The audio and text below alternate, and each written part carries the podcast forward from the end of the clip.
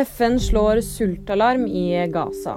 90% av alle barn under to år og 95% av alle gravide mødre og mødre som ammer, opplever matmangel, ifølge ny rapport fra FN.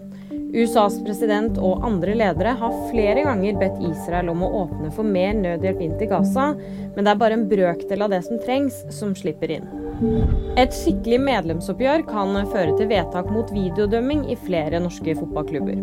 Og det kun et år etter at det ble innført.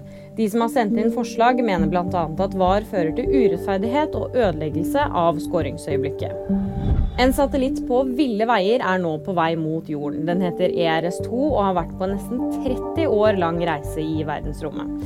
Ifølge den europeiske romfartorganisasjonen kommer den til å brenne opp på veien. Og nyheter det finner du alltid på VG.